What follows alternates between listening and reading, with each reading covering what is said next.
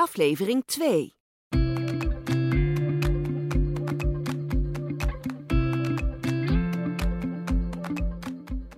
Dit is een podcast van Advocaten, Familie en Erfrecht. Met Inge Diepman en Joost Dix.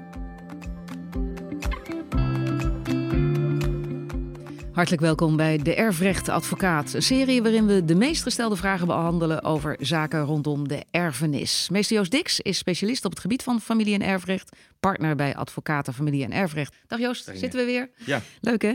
Deze aflevering staat in teken van de legitimaris.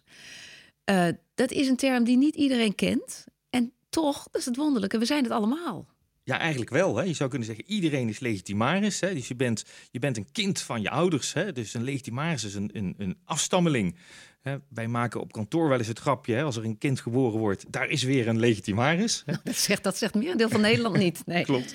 Hè, maar vaak wordt de term toch gebruikt, hè, een legitimaris, dat iemand die een beroep heeft gedaan op zijn legitieme portie. Hè, als kind hè, krijg je altijd iets hè, uit de nalatenschap van je ouders. Ook als je onterfd bent. Ook als je onterfd bent. Daar gaat het over in deze podcast. En elke aflevering van de Erfrecht Advocaat starten wij met de meest gestelde vraag. Wat is de meest gestelde vraag over de legitimaris? Ja, die ligt op zich voor de hand. Hè. De vraag die dan mij gesteld wordt is: goh, ik ben onterfd, krijg ik niet toch wat? Komen we op terug in deze podcast.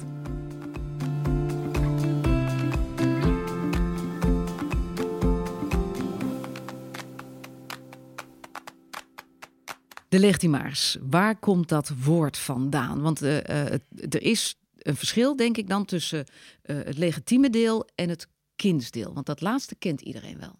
Ja, klopt. En je ziet dat die twee woorden in het spraakgebruik ook nog wel eens verward worden. Hè? Dus het, het kindsdeel... Verkeerd gebruikt worden. Ja, ja, precies. Hè? Dus het kindsdeel, daar kun je eigenlijk gewoon van zeggen... nou, dat is het deel wat een kind krijgt uit een nalatenschap. Dus bijvoorbeeld, er is een testament en daar staat dan mijn drie kinderen en mijn echtgenoot, dat zijn mijn erfgenamen. En dan jouw een vierde deel in die nalatenschap, dat is jouw kindsdeel. Dus heel overzichtelijk. Uh, en uh, het legitieme deel, het is de legitieme portie, dat is een deel zoals de wet het berekent. bijvoorbeeld als je onterfd bent, dus je bent geen erfgenaam van je ouders. En dan zeg je, goh, ik doe een beroep op mijn legitieme portie. dus ik wil toch iets hebben. Daar word je geen erfgenaam mee. Hè? Maar dan word je schuldeiser van de nalatenschap. En dan heb je een andere rekenmethode, hè, wat je dan toch nog uit die nalatenschap krijgt. Maar goed, je bent iemand die uh, zijn ouders, ik noem maar even ouders en kind in zo'n situatie, uh, beschimpt heeft, uh, vervelend is geweest, vertrokken is naar het oerwoud in Brazilië. iedereen is helemaal waar vergeten, jij ook, de rest. En dan nog kan je dus aanspraak maken op een deel van die erfenis? Ja, er wordt niet naar gekeken van hoe die verhoudingen zijn hè, tussen die ouder en dat kind. Nee, dat recht is er altijd om een beroep te doen op die legitieme. Ja, dan ga ik ervan uit dat dan de legitimaris de vervelende partij is. Maar dat hoeft natuurlijk helemaal niet. Dat zo. hoeft helemaal niet. Nee, nee. Is dit iets wat we weten? Ik denk dat dit toch wel, uh, wel redelijk uh, uh, onbekend is. Maar ergens hè, hoor je op de feesten en partijen ook nog altijd zeggen: je kunt een kind niet onterven. En dat klopt dus niet. Je kunt, ik zeg altijd, dat gaat zelfs heel makkelijk. Hè? Je zet in testament gewoon, ik onterf het kind. Maar dat kind kan vervolgens dan terugvallen op de wet en de beroep doen die legitieme portie. Maar dat lijkt mij toch af en toe vervelende situaties opleveren. Um, want je houdt niet altijd rekening met zo'n situatie, met zo'n broer uh, of dochter of zoon of wie dan ook die een tijd lang in dat oerwoud in Brazilië heeft gezeten. Nee, dat klopt. Dat klopt hè. Dus je ziet ook wel dat daar uh, wat onbegrip voor kan zijn. Hè. Dus stel je de situatie voor, hè, de, de laatste ouder overlijdt en dat testament staat, nou die, uh, dat kind wat ik als vervelend heb ervaren, hè, die, uh, die onterf ik. Hè, waardoor de andere kinderen er misschien van uitgaan, goh, die, die, daar hebben we dus helemaal geen verplichtingen. Ja. En dan meldt hij zich toch. En dan krijg je discussie van ja, maar ik doe een beroep op mijn legitieme. Ja, maar je staat helemaal niet in dat testament. Dus jij krijgt niks. Hè, dus die, die onwetendheid daarover, dat je zeg maar door zo'n testament heen kunt, ja, da daar, daardoor alleen al ontstaan uh, geschillen. Is dat ook het moment dat ze bij jou aankloppen als erfrechtadvocaat? Ja, vaak wordt dan gevraagd van, goh, ik, ik ben onterfd, hè, wat, kan ik toch nog, uh, wat kan ik toch nog doen? En um, waar onze taak dan eigenlijk begint, is hè, soms zie je dat zo'n kind een zekere afstand heeft gehad. Hè. Jij noemt uh, Brazilië. Hè. Ik denk dan altijd, goh, hè, er moet wel op tijd een beroep gedaan worden op die legitieme. Hè. Binnen vijf jaar na overlijden. Dus dat kind moet dan wel op tijd uit die, uh, uit die jungle zijn. En als je nou vijf jaar en één dag uit die jungle komt? Is er niks meer aan te doen. Nou, Oké, okay, nee, dus binnen nee. die vijf jaar. Ja, is, is wat juristen noemen een vervaltermijn. Daar doe je nooit meer iets aan. Of het kan zelfs nog spannender zijn hè, dat iemand een redelijker termijn stelt.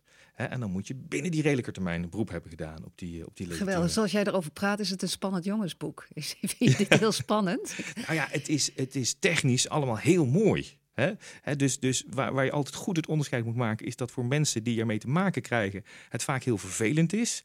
Hè? Maar uh, het is technisch zit het mooi in elkaar. Nou, klopt iemand bij jou aan? En dat kan dus, dat kunnen beide partijen zijn natuurlijk. Hè? Dat hoeft niet alleen maar de legitimatie zijn, het kan ook de andere partij zijn. Zeker. Wat is dan jouw eerste vraag?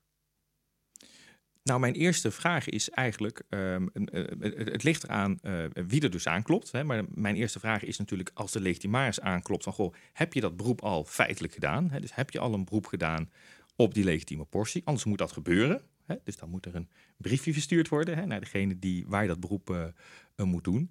En de tweede vraag die, eh, die vaak opkomt is van, goh, heb je eigenlijk al informatie hè, om de, de omvang hè, uh, van hetgeen je krijgt, om dat vast te stellen? Hè? Weet je al hoe dat zit? En anders moeten we die informatie gaan verzamelen. Maar bij wie verzamel je die informatie? Dat, dat moet je dan verzamelen bij die familieleden die jou liever de deur uitkijken? Ja, dat is heel ingewikkeld. Hè? Want als legitimaris ben je maar schuldeiser. Dus je hebt geen zelfstandige positie naar de bank of naar de fiscus of naar andere partijen. Hè? Dus dat moet ofwel naar de erfgenamen, of uh, als er bijvoorbeeld een executeur is, moet je dan bij de executeur zijn. En het vervelende is, uh, die legitieme, die wordt niet alleen maar berekend over de omvang van de nalatenschap, maar ook over allerlei schenkingen die gedaan zijn aan de kinderen. En ook soms aan derden, maar die aan de kinderen eigenlijk vanaf de geboorte van het kind. En dan kijken we niet naar de, de gewone schenkingen, Hè, maar naar allerlei bijzondere schenkingen, die gaan in de berekening, gaan die mee. En wat is dat dan? Uh, een studie die betaald is? Of, of een, een, nou ja, dat, een schenking voor de aankoop van een huis? Ja, die, dat laatste voorbeeld is een hele duidelijk. Hè. Dus dat is heel veel gedaan de laatste jaren. Hè. Dus dat ze denken, nou, als die, uh, dat onterfde kind uh, na mijn overlijden aanklopt... Hè, dan zorgen we ervoor dat alles weggeschonken is. En is die legitieme heel laag. Ja, die vliegen gaat niet op. Hè, want in de berekening van die legitieme gaan die schenkingen gewoon mee. Oké, maar dan kom je als erfgename misschien wel in de financiële problemen. Want, want stel dat jij dat huis hebt uh, en die legitimaris zegt uh, je, samen met jou. Stel dat jij dus uh, ingehuurd bent door de legitimaris, want je kan natuurlijk ook ingehuurd worden door de erfgenaam. Uh, nee, een deel uh, is, is toch van ons. Ja, zeker. Hè. Dus wat we, kijk, als erfgenaam, hè, daarvan wordt gezegd, nou, je hoeft niet meer dan je erfdeel te betalen hè, aan die legitimaris. Maar degene die die schenking heeft gehad, dat ook een kind kan zijn, daarvan kan een legitimaris zeggen, ja, ik, daar moet een stukje van terug. Om, mijn, uh, om mijn legitieme te kunnen betalen. Hè, dus het kan inderdaad zo zijn dat een schenking dat die terug moet. En komen jullie daar altijd uit? Of komt dit uiteindelijk voor een rechter? Nou, gek genoeg zie je dat uh, als het over de legitieme gaat, dat er toch heel veel wordt uh, geprocedeerd. Dat komt vaak omdat die verhoudingen tussen die partijen heel slecht zijn. En dan zie je eigenlijk vaak twee soorten procedures. De eerste procedure hè, waarbij uh, dus die legitimaris de informatie moet verzamelen, omdat men niet altijd die vrijwillig wil, wil geven. dus die moet dan vaak in een kort geding zorgen dat die stukken boven water komen. En dan zie je de tweede procedure, de vaststelling van die legitieme vordering. Als we het vanuit de erfgenamen benaderen, soms vinden erfgenamen dat die legitimaris veel te veel wil weten. Dus die vraagt allerlei dingen die hij misschien helemaal niet nodig heeft om die legitieme te bepalen. Nou ja, daar gaat een rechter natuurlijk ook naar kijken. Dus die gaat kijken, je mag ook weer niet overvragen. Wat mag je wel vragen? Nou ja, Oftewel, wat, mag je het überhaupt weigeren?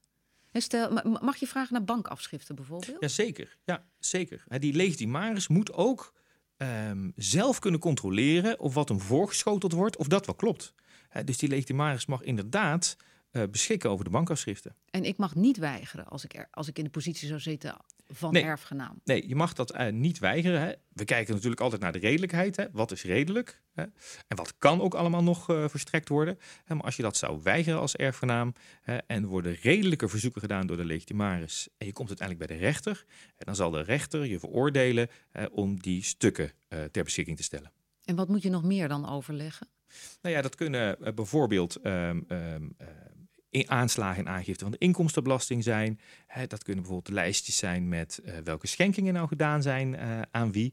Allemaal stukken om en die omvang van die nalatenschap vast te stellen en eh, die schenking in kaart te krijgen. Maar dat is best pittig en emotioneel. Je moet, je moet dus een deel van je privé moet je overleggen, voorleggen aan degene eh, die, de- nou, waar je waarschijnlijk niet al te beste relatie mee hebt. Ja, en waarvan je weet dat vader of moeder dat liever misschien niet gewild had. Ja. Want eh, ja, dat kan. Dat maar dan kan. kan, je, dan kan je toch roepen, ik heb het niet. Ik heb het gewoon niet. Ja, dat, dat, dat kan zeker. Dat gebeurt in de pra- praktijk natuurlijk ook wel. Hè, maar zo makkelijk is het niet. Want heel veel informatie, daar is natuurlijk aan te komen. Hè, en op het moment dat je dat roept, hè, dan zal de rechter zeggen... ja, maar dan verplicht ik u hè, om die informatie te gaan halen. Hè, bijvoorbeeld bij de bank. Hoe lopen die meeste zaken nu af die eh, jij hebt meegemaakt? Nou, wij, eh, we krijgen het gelukkig voor elkaar... dat bij heel veel zaken je uiteindelijk op een of andere manier...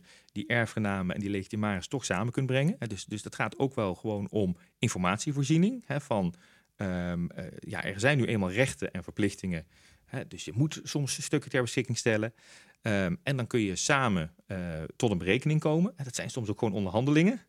Ehm, en als dat niet lukt, en die zaken maken we, maken we ook mee, ja, dan wordt er ehm, geprocedeerd over de stukken. En dan gaat de rechter bepalen waar heb je nou recht op.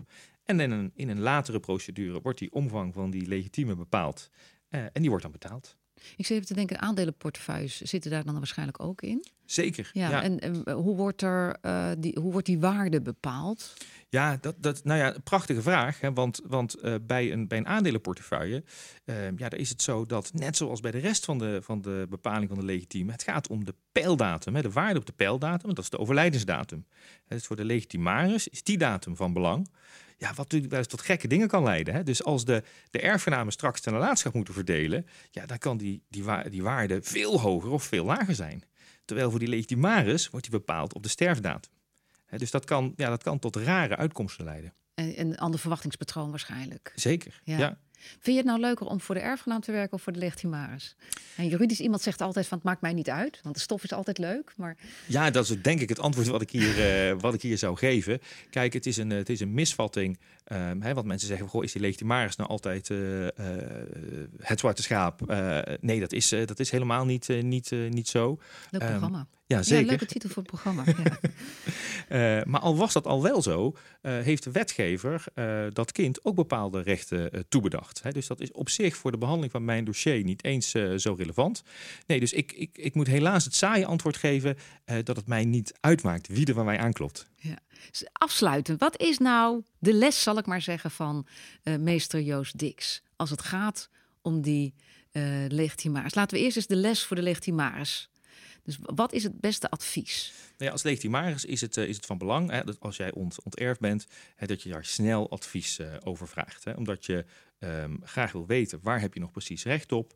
Ehm, je wil dat er een goede berekening komt, maar je wil ook vooral hè, dat er op tijd en op een goede manier een beroep gedaan wordt op die, eh, op die legitieme. Dus dat zijn denk ik de belangrijkste tips voor de, voor de legitimaris. En de erfgenaam? Voor de erfgenamen is het zo, de belangrijkste tip is, u kunt geconfronteerd worden hè, met die schuldeiser die u misschien niet verwacht. Ehm, en dan eh, net doen of er niks aan de hand is, dat is niet het beste. Hè, maar kijk in ieder geval, hè, welke rechten zou die legitimaris nog wel hebben?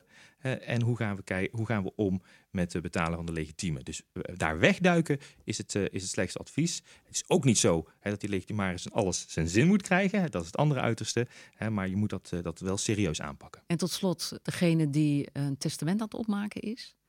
Ja, En dus een kind heeft eh, die die onterfd heeft, of überhaupt iemand onterfd heeft. Ja, denk er goed over na wat de, de gevolgen zijn. Hè. Als het goed is, wijst de notaris, als hij een onterving in een testament opneemt, ook op de mogelijkheid dat een kind een beroep doet op de legitieme. Maar denk er goed over na, over eh, wat de wet er nog over zegt. En degene die in het oerwoud zit, hou die vijf jaar aan. Want anders vis je achter het net. Zo is het. Ja, dankjewel Joost. Tot de volgende keer. Voor wie niet eh, alleen wil luisteren, maar ook meer wil lezen over dit onderwerp, neem een kijkje op familieerfrecht.nl. Vergeet streep niet tussen familie en erfrecht.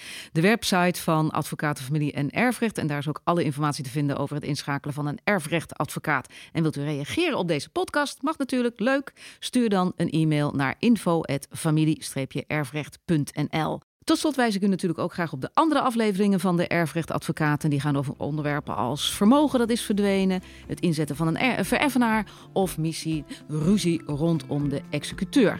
Dit was de Erfrechtadvocaat met antwoord op de meest gestelde vragen rondom de erfenis.